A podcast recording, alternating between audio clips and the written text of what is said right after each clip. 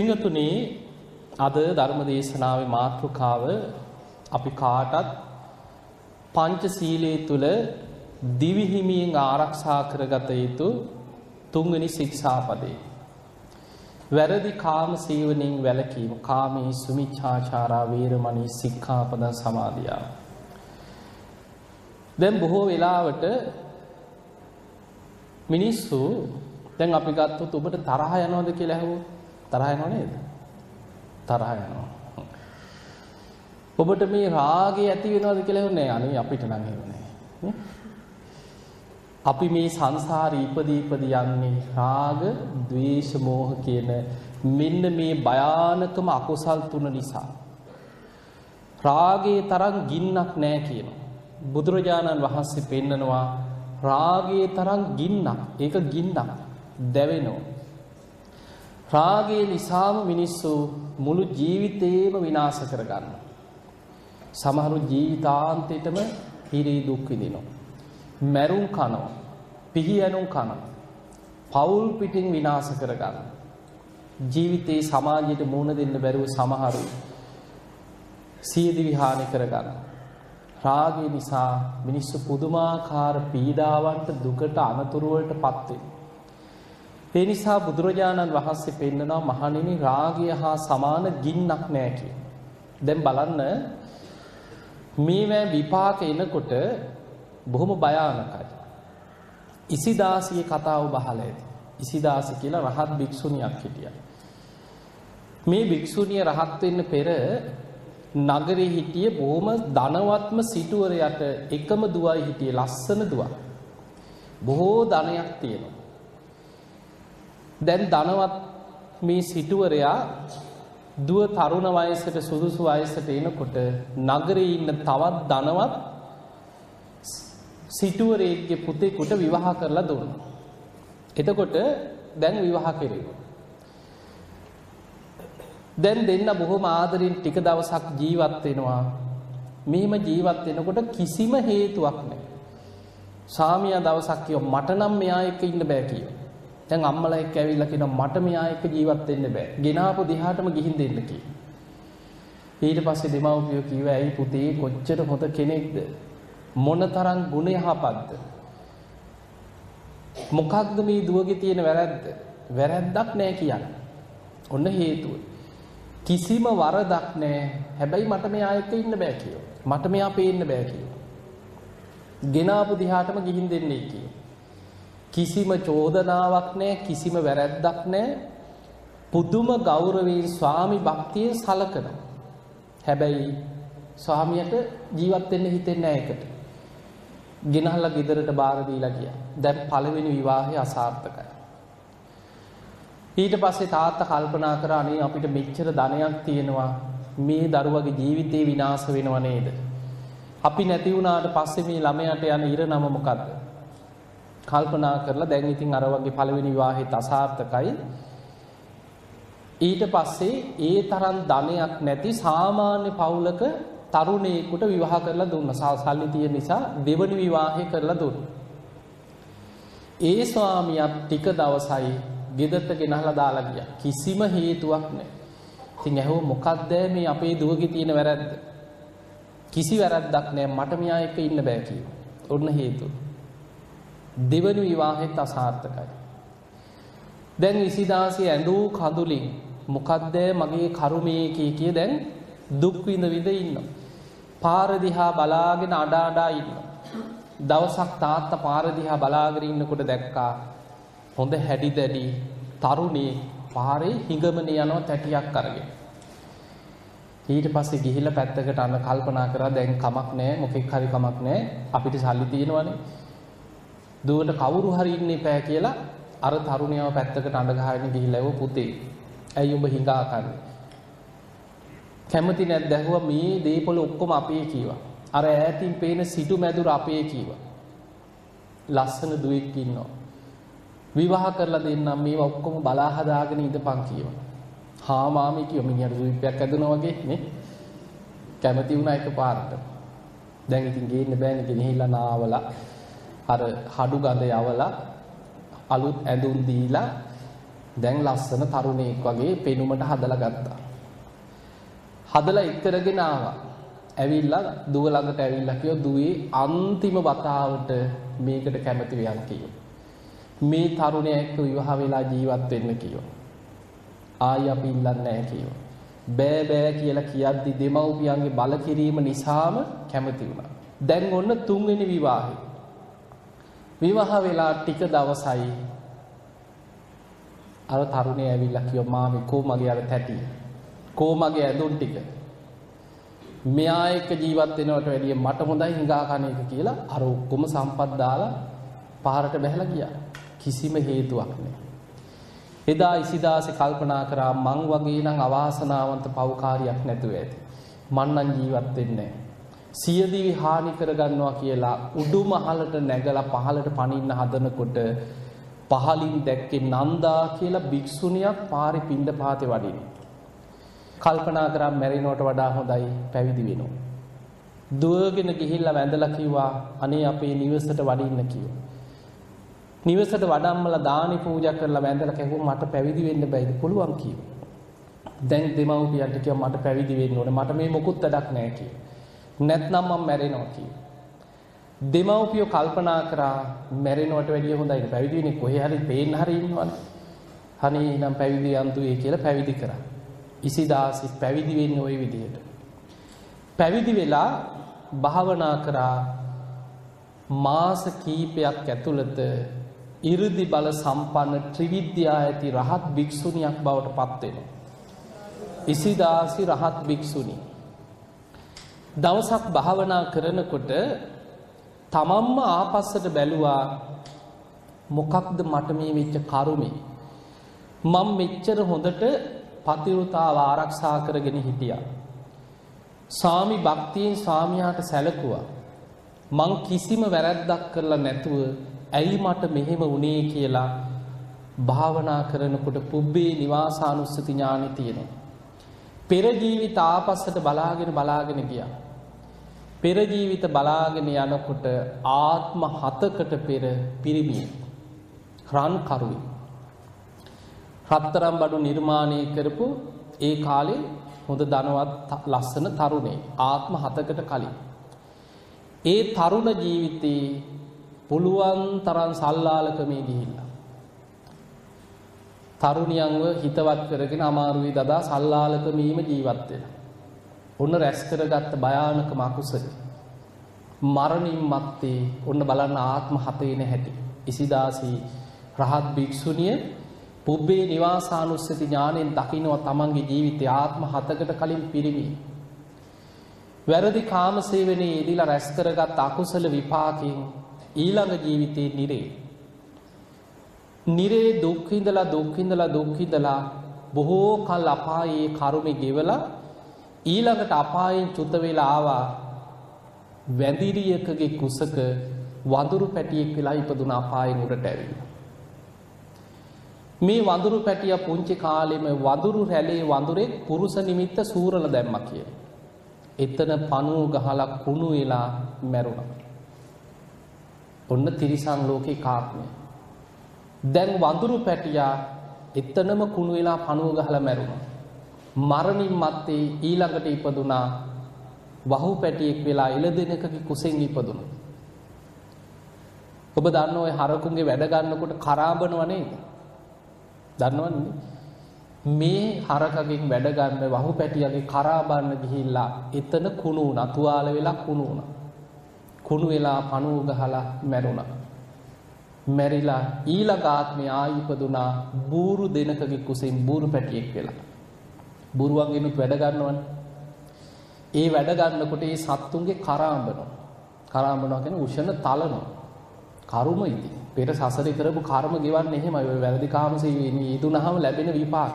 කරාඹනකොට එතනම කුණු වෙලා පණුව ගැහුවා. පණුව ගහලා මැරුණා. දැන් තිරිසං ආත්ම තුනක්. එතකොට බලන්න ආත්ම හතකට කලින් පිරිමියෙක් හැටියට කරපු අකුසලේ ඊළඟ ජීවිතේ නිරේට. ඊළඟ ජීවිතේ වඳුරු පැටියෙක්. ඊළඟ ජීවිතේ වහු පැටියෙක්. ඊළඟ ජීවිතේ බෝරු පැටියෙක්. ඒ ආත්ම තුනේම තිරිසං සත්වයා මැරෙන්නේ පුරුෂ නිමිත්ත කුණු වෙලා පණුව ගහලා. එහෙම මැරිලා ඊළඟට ආවා මනුස්ස ලෝකෙට. අන්න නිරේන් තිරිසන් ලෝකෙට ආවා. තිරිසන් ලෝකේ ආත්ම තුනක් දුක් විඳලා මනුස්ස ලෝකෙට එනවා. පිරිමියෙකුත් නෙමෙයි කාන්තාවකුත් නෙමෙයි නපුරුෂකේ. ඔන්න උපත. රැස් කරගත්ත විපාකේ. ඒ ජීවිතේ අවුරුදු 30න් මැරෙනවා. දුක් විඳලා මිනිස්සුන්ගෙන් බැනුම් අහලා නින්දා විඳලා ගුටි කාලා අන්ත දුක් විඳලා අවුරුදු 30න් මැරෙනවා. අවුරුදු 30න් මැරිලා ඊළඟ ජීවිතේ ඉපදුනා දුප්පත්ම දුප්පත් පවුලක කාන්තාවක්. ඒ ජීවිතේ දෙමව්පියෝ ණය වෙලා ණය ගෙවා ගන්න බැරුව ණයකාරයෝ හිලව්වට ඇදගෙන යන්නේ දුව. ගෙනහිල්ලා බැල මෙහෙවරකම් කරලා අන්ත දුක් විඳලා දුක් විඳලා ඒ ජීවිතේ මැරෙනවා.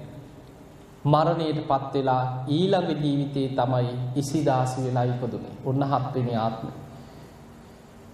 ඉසිදාසි බොහෝම ධනවත් පවුලක ලස්සන දරුව. හැබැයි විවාහයක් හරියන්නේ අර පෙර සසරේ කරපු කර්ම විපාකෙ පස්සෙන් එන හැටි. එතකොට පේනවා නේද ආත්ම ගණන් විපාක පස්සෙන් එන හැටි.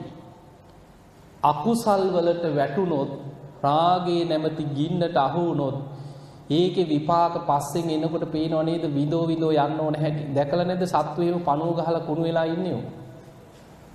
අපි දැකලා තියෙන අපි දන්නේ නෑ බුදුරජාණන් වහන්සේගේ බුද්ධ දේශනා තුල අපිට පේනවා සංසාරේ කරගත්ත කර්ම විපාක. ඒ නිසා දැන් කාන්තාවක් කාන්තාවක් වෙලාම ඉපදී ඉපදියන්නේ වැරදි කාම සේවනයේ නිසා නෙමෙයි. ඒක මතක තියාගන්න. ඒ නිසා කාන්තාවක් කාන්තාවක් වෙලා උපදින්නේ ඇයි? කාන්තා ආත්මයට ඇලුම් කරන නිසා කියන. කාන්තාවක් කාන්තාවකගේ රූපේට ඒ රූපයත් එක්ක තණ්හාව උපදිනවා ඇලුම් කරන.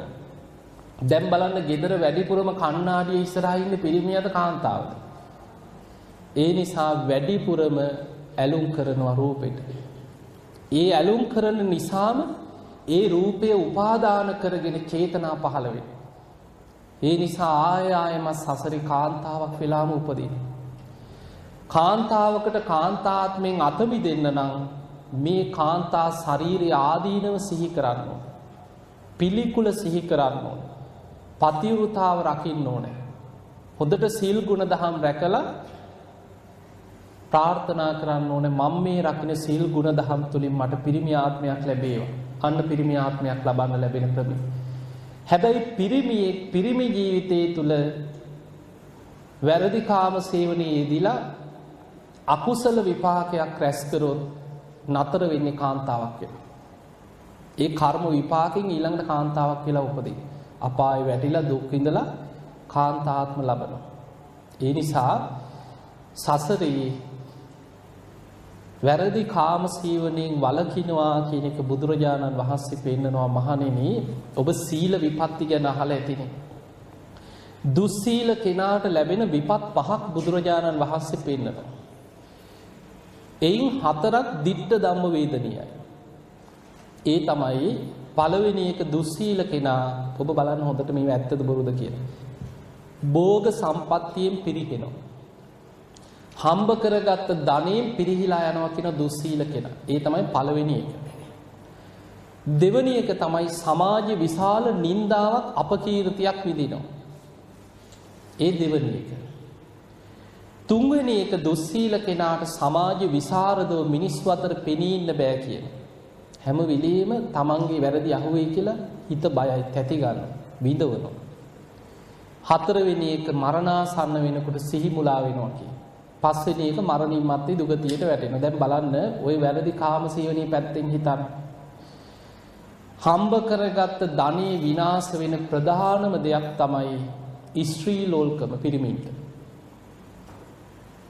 ඊළඟට සුරාව සූදුව හොද්දට බලන්න ඔය සල්ලාලකන් නිසා හම්බ කරගත්ත ධනී විනාශ කරගන්න නැද්ද මිනිස්සු? නැති නාස්ති වෙලා අන්තිමට මහා පාරට හිඟමනට වැටෙනවා. එතකොට පළවෙනි එක තමයි ධනී විනාශ වෙලා යන සල්ලාලකන් නිසා. දෙවනි එක සමාජයේ අපකීර්තියක් විඳිනවා. බලන්න මිනිස්සු නිඳා කරන්නේ නැද්ද බනින්නේ නැද්ද? බනිනවා මිනිස්සු කියනවා නිකන් පාරේ මූණට හම්බුණත් ඒ වෙලාවට නිකන් hina වෙලා අයියේ අක්කේ කියනවා එච්චරයි. යන්න ඇරලා කියනවා. අන්න අර සල්ලාලේ හම්බුණා. කොහොම නෙමෙයි කියන්නේ. මිනිස්සු ඉතින් කියන වචන දිනන මේ මාධ්‍යයෙන් යන්නේ හොඳ නේ. ඒ නිසා ඒක තමයි සමාජ අපකීර්තියක් විදිනවා. ඔබ හොඳට බලන්න වැරදි කාම සීවනයේ දෙන කෙනා ගැන දිට්ට ධම්ම වේදනීය විපාකයක් මෙලව සමාජ අපකීර්තියක් පැතිරෙනවා කිය. ආයි වහන්න බෑ. ඒක මෙලවම පැතිරිලා යනවා. තුන්වෙනි එක තමයි බුදුරජාණන් වහන්සේ පෙන්නවා තමන් විදව විදව තමයි කියන ජීවත්තේ. හැම වෙලාවෙම පිරිසක් අතරට ගියත් තැති ගන්නවා. දැන් මං ගැන අහු වෙයිද දන්නේ මගේ හොර වැඩ එළි වෙයිද දන්නේ කවුරු හරි hina වුණත් හිතනවලු මුම් මේ මට hina වුණේ මගේ අර කහු වෙලාද දන්නේ දැනගෙන දන්නේ කියලා හිතනවලු. එතකොට තමන් තමන්ගේ හිත ඇතුලෙන් විඳෝ විඳෝ ජීවත් බුදුරජාණන් වහන්සේ පෙන්නන මහණෙනි දිට්ඨ ධම්ම වේදනීය තුන්වෙනි විපාකේ කියලා. හතරවෙනි එක තමයි මරණාසන්න වෙනකොට සිහි මුලා වෙනවා. කල්පනාව අවුල් වෙනවා. ඔළුව අවුල් වෙනවා. මම ලෙඩෙක් බලන්න ගියා. මං ගියාට පස්සේ ඉතින් මං දන්නවා චරිතේ. ඒ ඒ જાති චරිතය දැන් මේ කියන જાති චරිතය. ඊළඟට හරි දරුණු මිනිස්සෙක්. හරියට මිනිස්සුන්ට බද හිංසා කරන බොහොම මම තරම් කිරුමෙක් නෑ කියලා ජීවත් වෙච්ච කෙනෙක්. ඉතින් මං ගියාට පස්සේ පොඩි එකා වගේ අඬනවා. අනේ හාමුදුරනේ මට වැරදුනා කියෝ. ඔන්න ඇඳට වැටෙනකොට තමයි යන්ත අසරණ වෙන්නේ. මං කිව්වා හරි දැන් ඉතින් අපි ඔක අමතක කරලා ඔබතුමා ඉස්සෙල්ලා පන්සිල් ගමුකෝ කියලා මං ඉතින් අත් දෙකත් එකතු කරලා වන්දවලා පන්සිල් සමාදන් කරා. පන්සිල් සමාදන් කළා මම කිව්වා දැන් ඔබතුමා හිතන්න මං දැන් සිල්වත් පරණිව මට අදාළ නැහැ. ජීවිතේ අපි ඕන තරම් පව්කම් වැරදි කරපු අය ඇති. හැබැයි දැන් හරි අන්තිම මොහොතේ හරි ඔබතුමා සීලයක පිහිටියනේ. ඒ නිසා මේ සීලය ගැන දැන් හිතන්න කිව්වා. අනේ හාමුදුරනේ මට මතක් වෙනවා ඒ වුණාට කිව්වා. මං කිව්ව දැන් ඉතින් ඕවා අමතක කරලා දැන් හිතන්න මතක් වෙනකොට හිතන්න කිව්වා මං දැන් තෙරුවන් සරණ ගියා. මං දැන් සීල් සමාදන් වුණා. මම දැන් සිල්වත් කෙනෙක්. මම මේ ශික්ෂාපද ටික දැන් ඉඳන් රකින්නවා කියලා හිතන්න කිව්වා. අනේ හාමුදුරනේ මට ආයි පන්සිල් දෙන්න එහෙනම් කිව්වා.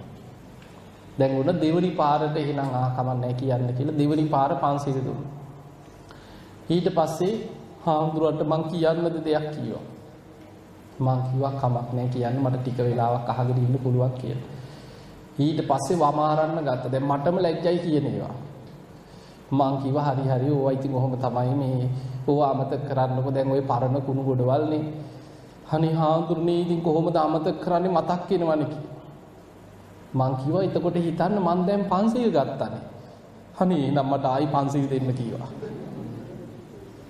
තුන්වෙනි පාරත් පන්සිල් දුන්නා.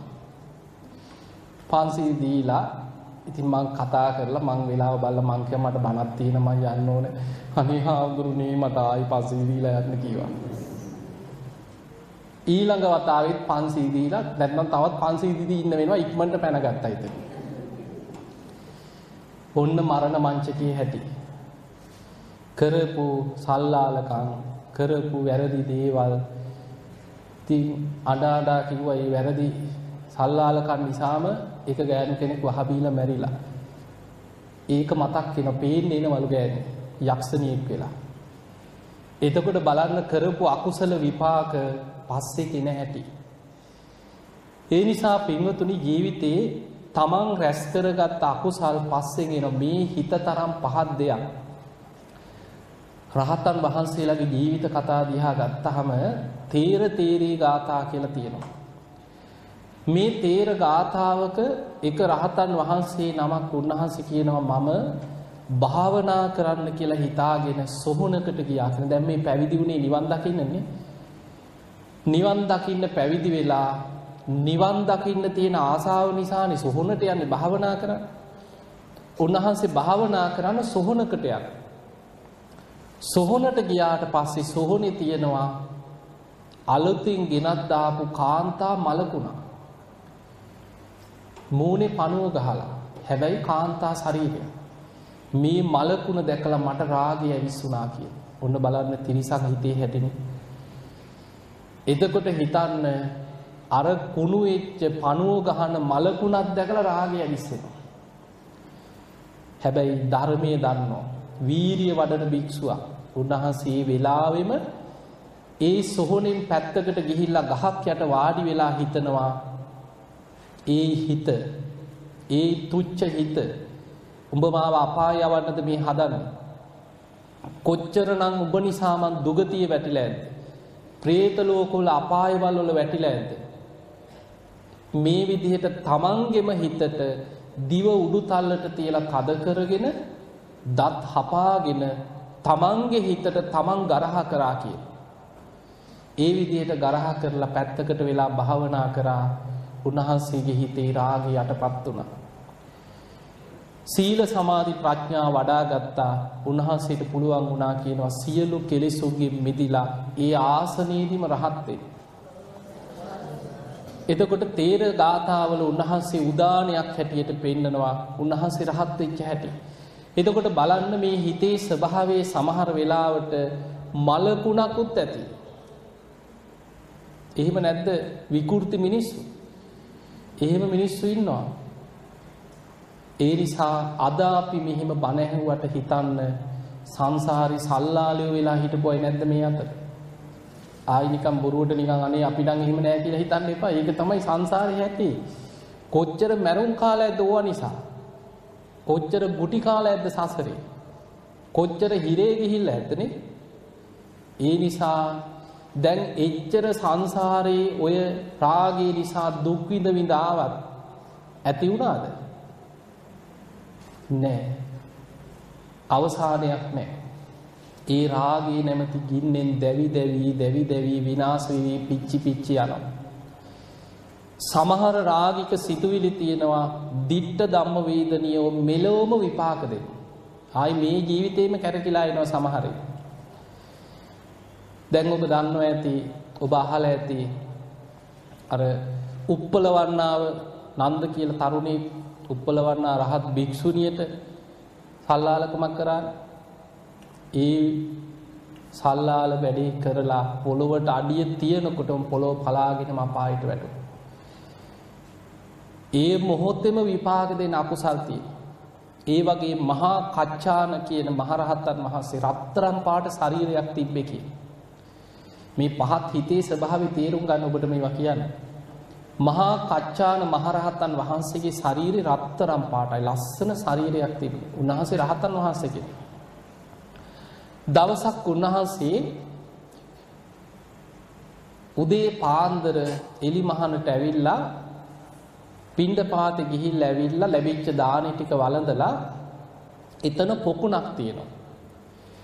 මේ පොකුණෙන් චුට්ටක් සිවුර ගලවලා පොඩ්ඩක් වතුරින් ඇඟපත පොඩ්ඩක් තෙමා ගත්තා. ඒ තෙමාගෙන උන්වහන්සේ ගොඩට වඩිනකොට එතනින් යනවා සිටුවරේ. අර වගේ සල්ලාල සිටුවරයෙක් යනවා. සිටුවරයා දැක්කා මේ රහතන් වහන්සේගේ මේ රත්තරම් පාට ලස්සන ශරීරය. දැක්ක ගමන් පහස් සිතුවිල්ලක් ඇති වුණා. ඒ දේශනාවේ තියෙන වචනේම මම කියන්නම්. මේ සිටුවරයට ඇති වුණා මේ හාමුදුරුව මගේ ගෑණි වුණා නම් කියලා හිතුණා. ඔන්න බලන්න හිතේ සිතුවිල්ල. හිතනකොටම මොකද වුනේ? පුරුෂ නිමිත්ත නැති වුණා. ඒ සැනින් ලිංග විපර්යාසයක් වෙලා කාන්තාවක් බවට පත් වුණා. දැන් සිටුවරයට ගෙදර ය아가න්න විදිහක් නැහැ. පුදුම ලැජ්ජාවක් ඇති වුණා. තමන්ගේ දැන් කොහොම නැද්ද හිතන සමාජය ඔබ අහන්නේ නැද්ද? ටික කාලයක් ඉඳලා සමහර පිරිමි ගෑනු වෙන අය නැද්ද? ඉන්නවා. අර පහස් සිතුවිල්ලත් එක්ක ඒ මොහොතෙම විකෘති වුණා. ඒ මොහොතෙම ශරීර විකෘති වෙලා කාන්තාවක් බවට පත් වුණා. දැන් සිටුවරයත් ඉවරයි ඔක්කොම ඉවරයි ලැජ්ජාවේ බෑ. අර කරත්තෙන් බැහැලා පැනලා දිව්වා වෙන පළාතකට. එතකොට අපිට පේනවා මේ වගේ හිතේ එන දැන් හිතන්න සිතුවිල්ලකට එහෙම දිට්ඨ ධම්ම වේදනීය දඬුවමක් ලැබුණා නම් ක්‍රියාවේ විපාක කොහොම එනවද සංසාරේ? ඒ නිසා මතක තියාගන්න මේ සසරේ අපි ඉපදී ඉපදී ඉපදී ඉපදී යන්නේ මේ භයානක අකුසල් වලින් බේරෙන්න බැරිවීම නිසා. අපි සසරේ නිරේට වැටුණනං තිරිසං අපායි දුක්වින්දනම් ප්‍රේතාපායි වැටුණානං. අන්ත දුක්විද විදාවානං මොකක්ද ප්‍රධානම හේතු ටික රාගදවේශමෝ. මේ හිත අභ්‍යන්තරයේ තියෙන රාගය දවේශය මෝහය. මේවා අලු යට ගිනි පොකුරු වගේ තියෙන්. හොයන්නවත් පුළුවන්ද හිතේ තියෙනවා කියලා. බණහන වෙලාවට තේරෙන්නේවත් නෑ. කොහෙද තියෙන්නේ කියලාවත් හොයන්න. හැබැයි සුබ නිමිත්තත් එක්ක රාග සහිත අරමුණක් ඇස ගැටෙනකොටම අලු යට තියෙන ගිනි පොකුරු මතුවෙනවා වගේ මතුවෙලා ඉන්නේ නැද්ද? මතුවෙනවා. ඒ නිසා බුදුරජාණන් වහන්සේ පෙන්නනවා දැන් මේ වැරදි කාම සීවණයෙන් වළකිනවා කියලා කියන්නේ විවාහ වෙන්න පෙර කුමර බඹසර කුමරි බඹසර කියලා ධර්මයේ විස්තර කරනවා. බ්‍රහ්මචාරී ජීවිතයක් ගත කරන්න ඕනේ විවාහ වෙනකම්. එතකොට ඒක බ්‍රහ්මචාරී. විවාහ ජීවිතයකට පත් වෙනකන් ගිහි ශ්‍රාවකේ බ්‍රහ්මචාරී ජීවිතයක් ගත කරන. විවාහ වුණාට පස්සේ තමන්ට ස්වාමියෙක් ඉන්නවා නීත්‍යානුකූල විවාහක ස්වාමියෙක් ඉන්නවා බිරිඳකට. ඒ බිරිඳට නීත්‍යානුකූල ස්වාමියෙක් ඉන්නවා ස්වාමියාට බිරිඳක් එතකොට මේ බිරිඳ ස්වාමියා තුල ජීවත් වෙනවා මිසක් වෙනස් ස්වාමියෝ ගැන හිත හිතා පස්සෙන් යන එක එක වෙනත් බිරින්දෑවරු පස්සෙන් යන එක ඒක බුදුරජාණන් වහන්සේ පෙන්නනවා ඒක සංසාරේ අර කියන ශික්ෂාපදිත් බිඳගෙන මෙලවත් නින්දා විඳිමින් විශාල අකුසලයකට වැටිලා අපාගාමී වෙන භයානකම අකුසලයක්. බොහෝ දෙනෙකුට ඔය පන්සිල් පද අතර අපායගාමී වෙන බලවත්ම අකුසලයේ තමයි ඕක. මේ වර්තමානයේ වෙනකොට අපි ජීවත් වෙන පරිසරයත් එක්ක ගත්තාම දැන් අපි ඉන්නේ ලෝකේ විකෘති කාලයකනේ. බුදුරජාණන් වහන්සේ පෙන්නනවා දීර්ඝ ආයුෂ ඇති කාල තිබිලා තියෙනවා මේ ලෝකේ. මේ අපිට තේරෙන්නේ නැහැ මේ කාල ගැන. දේශනාවල තියෙනවා අවුරුදු දහස් ගණන් ආයුෂ තිබිච්ච කාල ගැන. ඒ දීර්ඝ ආයුෂ ඇති කාලවල මිනිස්සු සිල්වත් කියන. දැන් ওই සක්විති රජවරු පහළ වෙන කාල අහලා නැද්ද? සක්විති රජවරු අහසින් ගිහිල්ලා ලෝකෙටම පංචශීලෙන් අනුශාසනා කරා. ප්‍රාණඝාතයෙන් වළකින්න රටවැසියන්ට අහසින් නම් අනුශාසනා කළා. හොරකමින් වලකින් වැරදි කාම සේවනයෙන් වලකින් බොරුවෙන් වලකින් මත්පැන් මත්ද්‍රව්‍ය භාවිතයෙන් වලකින් ධර්මානුකූලව ජීවත් වෙන්න රට වැසියාම කිසිම ආයුධයක් දඬු මුගුරක් දඬුවමක් පොලිසිය උසාවි මොනවත් නැහැ ඒ කාලේ. රජ්ජුරුවන්ගේ ධර්මානුකූල අවවාදී තුල ලෝකයාම සිල් රකින්නවා කියන. එතකොට හිතන්න එහෙම කාල දීර්ඝායුෂ ඇති කාල මේ විශ්වයේ ලෝකෙ තිබිලා තියෙනවා. හැබැයි බුදුරජාණන් වහන්සේ පෙන්වනවා මහණෙනි මිනිස්සුන්ගේ ආයුෂ පිරිහිලා පිරිහිලා පිරිහිලා අවුරුදු 100න් පහලට පිරිහෙනකොට කරුණු තුනක් බලවත් වෙනවා කියන. එකක් අධර්ම රාගය, විෂම ලෝභය, මිත්‍යා ධර්ම. ඒ කරුණු තුන නිසා අවුරුදු 100න් පහලට ආයුෂ පිරිහිලා අවුරුදු 10 දක්වා විකෘති වෙනවා කියන මිනිස්සු. රාගය නිකන් රාගයක් නෙමෙයි. විෂම රාගය විකෘති රාගයක් වෙන. ඒක තියෙනවා ඔබ බලන්න මේක තියෙනවා බුදුරජාණන් වහන්සේ චක්‍රවර්ති සීහනාද සූත්‍ර දීඝනිකාය ආයුෂ පිරිහෙන හැටි අකුසලෙන් අකුසලයට ආයුෂ පිරිහෙන හැටි පෙන්නනවා. අවුරුදු 100න් 15ට ආයුෂ පිරිහෙනකොට විකෘති රාගය කියලා එකක් ලෝකේ බලවත් වෙනවා කියන්නේ. ඒකේ පෙන්නනවා පුරුෂයෝ පුරුෂයන් ගැන රාගයෙන් බැඳෙනවා කියන. කාන්තාව කාන්තාවට විකෘතියක්. දැන් නැද්ද ලෝකෙ හිම විකෘතිය?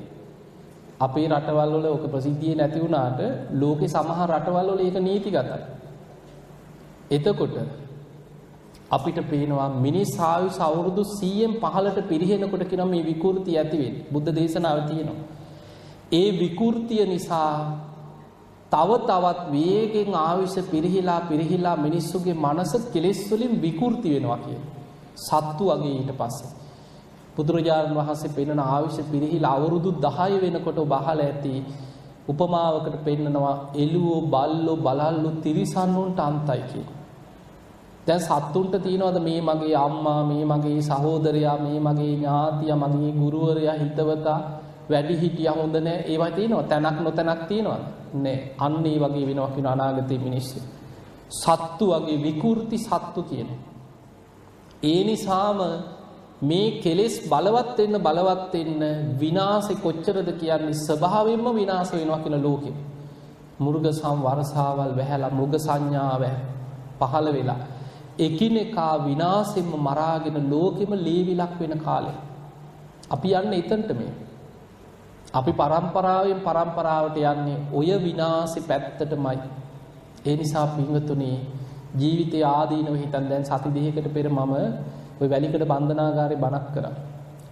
ඉරකාරේ මම හිතන 4000කට එහා ඉන්නවා කිව්ව ඇතුළේ ඔක්කොම දනුවන් ලබපු අය.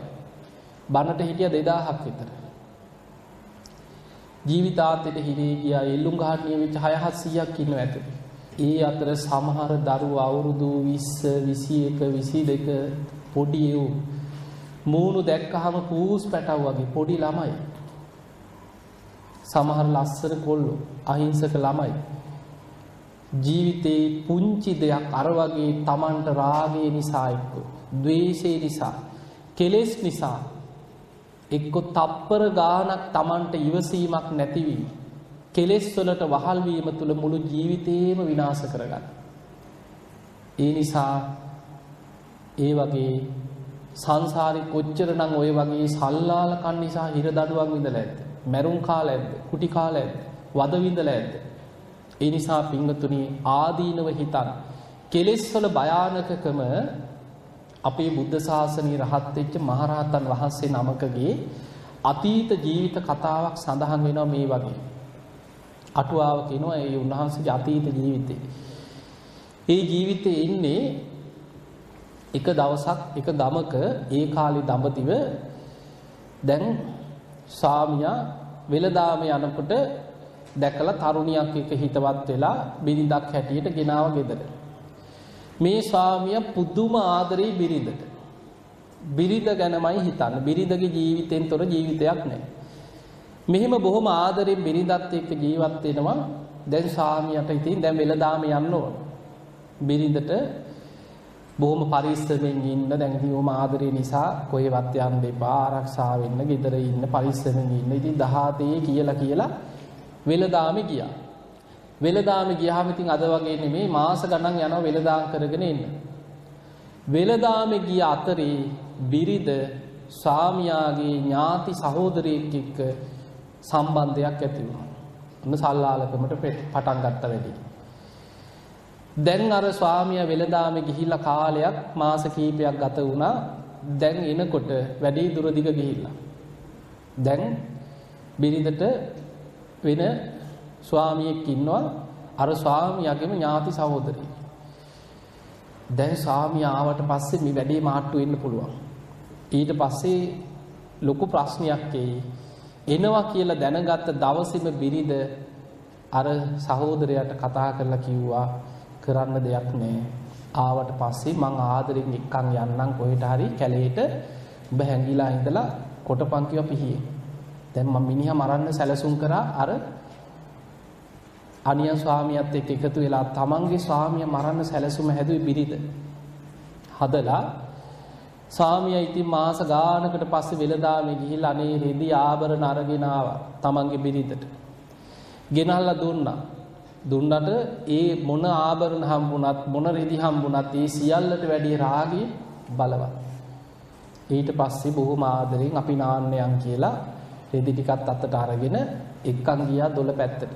එක්කන් ගිහිල්ලා මන්නේ මැදලා ඉවරලා දුන්නා පිළිකන්නෙන් දුන්නා අර මිනිස්සයාට නාලා ගොඩට එනකොටම බෙල්ලට කොටන්න කියලා. දැන් නාගෙන ඉන්න කියලා යවලා හැංගිලා බලන් හිටිය වැඩි හරියට කිරිනවද කියලා.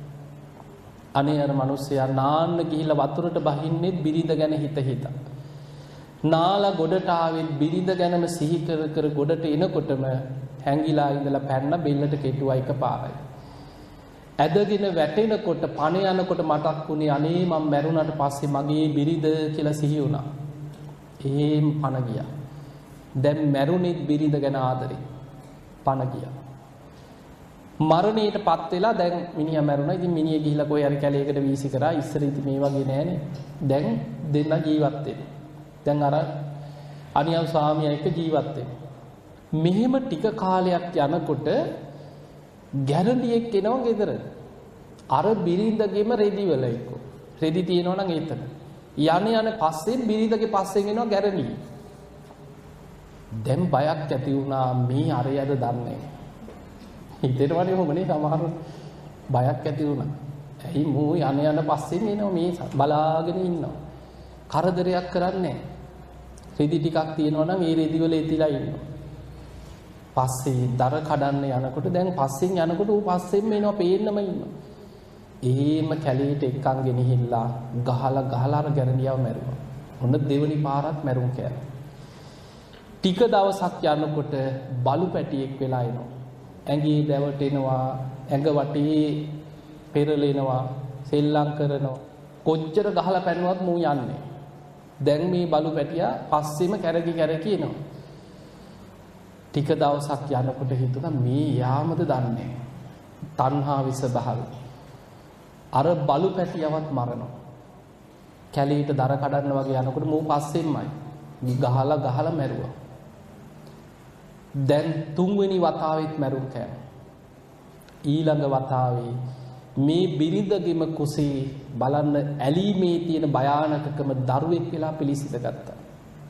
බිරිඳගේ කුසේ පිළිසිඳ ගත්ත දරුවෙක් වෙලා.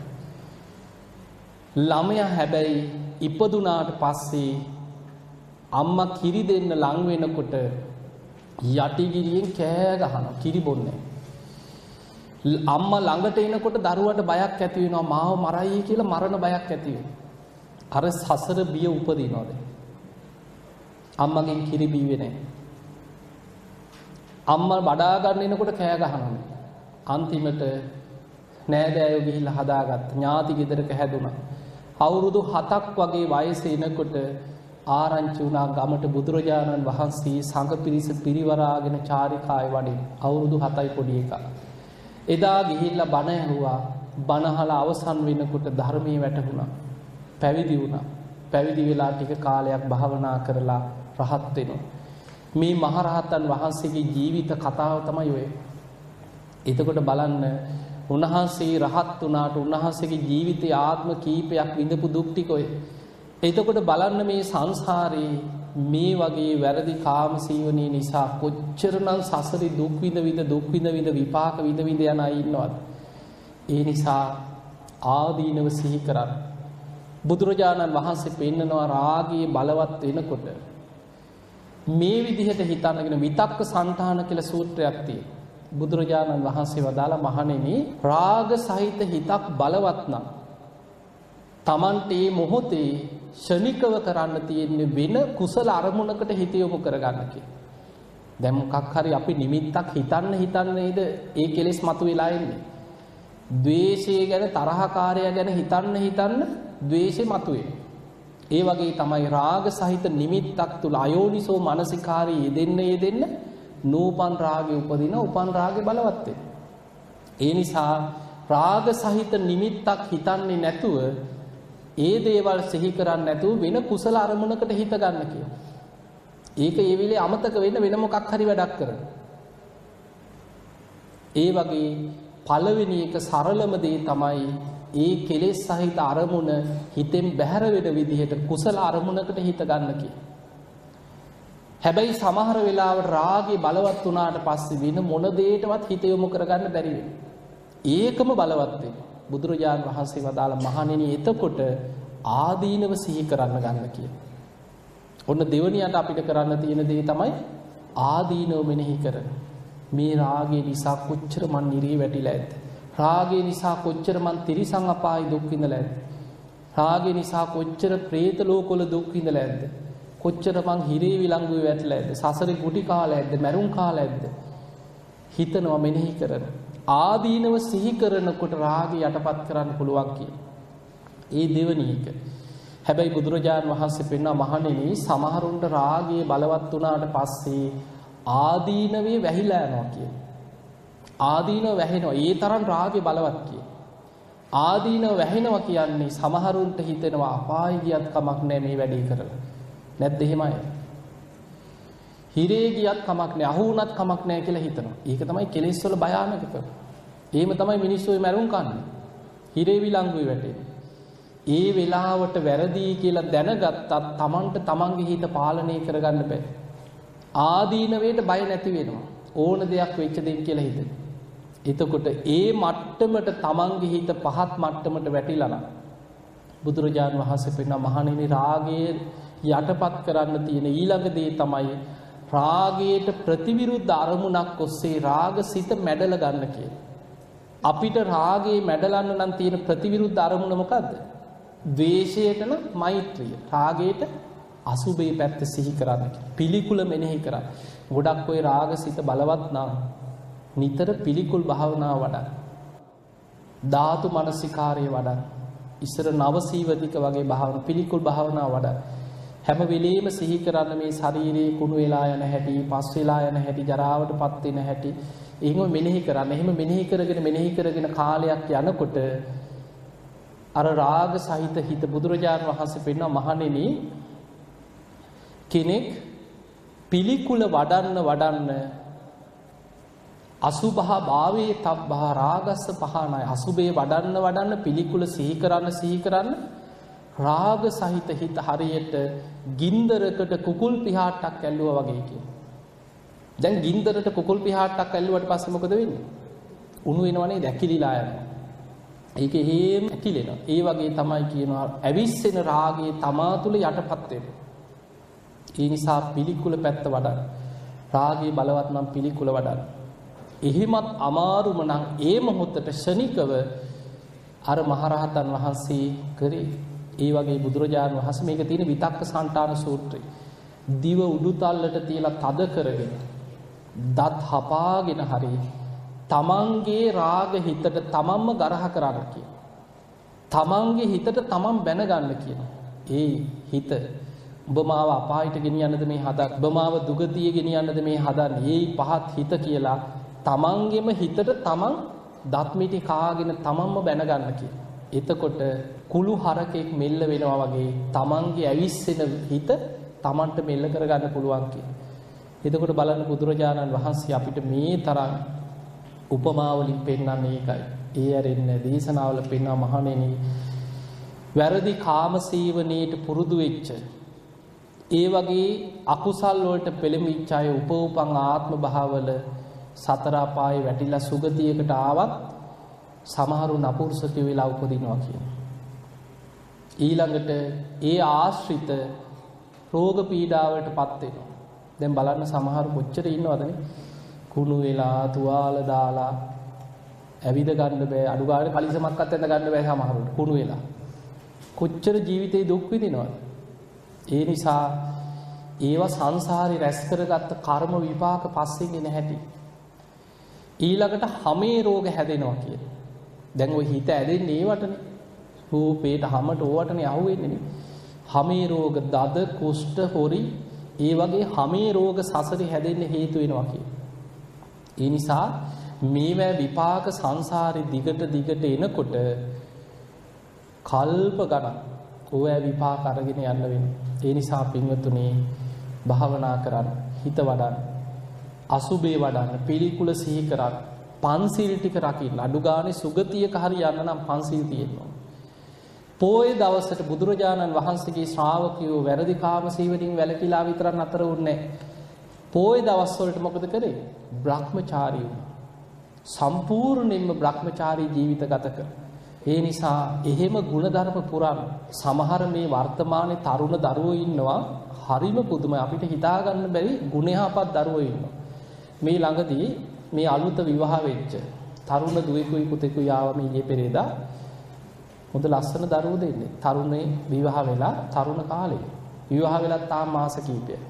ඒ අය ඇවිල්ලා කියනවා හාමුදුරනේ අපි දැන් මේ විවාහ වෙලා අවුරුද්දක් කොහෙද කිව්වා මාස 3ක් එක දිගට Brahmachariව අපි ප්‍රතිපක්තියක් පිරුවා කියනවා. එක ගෙදර.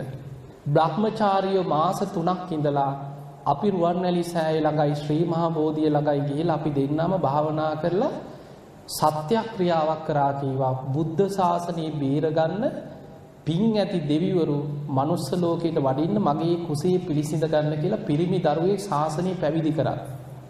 දෙන්නගේ ප්‍රාර්ථනාව ඒක. මාස 3ක් දෙන්න Brahmachariව එක ගෙදර සිල් සමාදන් වෙලා රුවන්වැලි සෑය වටේ ගිහිල්ලා ප්‍රදක්ෂිනා කරලා පිරිත් කියලා ජය ශ්‍රී මහා බෝධිය වැදලා එතන ඉඳන් දෙවියන්ට ආරාධනා කරනවා පින් ඇති දෙවි කෙනෙක් මනුලවට වැඩලා බුද්ධ ශාසනය බේරගන්න. පිරිමි දරුවෙක් හැටියට උපදින්න මම මේ දරුවා පැවිදි කරනවා කියලා බාරයක් වෙන රුවන්වැලි සෑයේ. එතකොට බලන්න එහෙම අම්මලා ඉන්නවා තරුණ දරුවෝ මේ වර්තමානයේ. ඒ නිසා ධර්මය දියුණු කරගත් අය ධර්මයේ වඩන අය ආදීනව සිහි කරන අය කෙලෙස් වලට වහල් වෙන්නේ නැහැ. ඒ නිසා පින්වතුනි හිත වඩන්න සිල්වත් වෙන්න. ඒ නිසා ඔබේ ජීවිතයේ තුල මිච්ඡර වටින බුද්ධ ශාසනයක් මුණ ගැහිලානේ. මනුස්ස ජීවිතයක් ලැබිලා. අද පැය 24ම බණ අහන්න ලැබිලා. මෙච්චර පින් කරගන්න ලැබිලා මේ රාගයක් නිසා කෙලෙස් නිසා පන්සිල් ටිකවත් රැකගන්න බැරුව අපායකට වැටුණොත් ආයේ කාගේ පිහිටදද? ඒ නිසා ධර්මයේ දියුණු කරන්න වීරිය වඩන්න.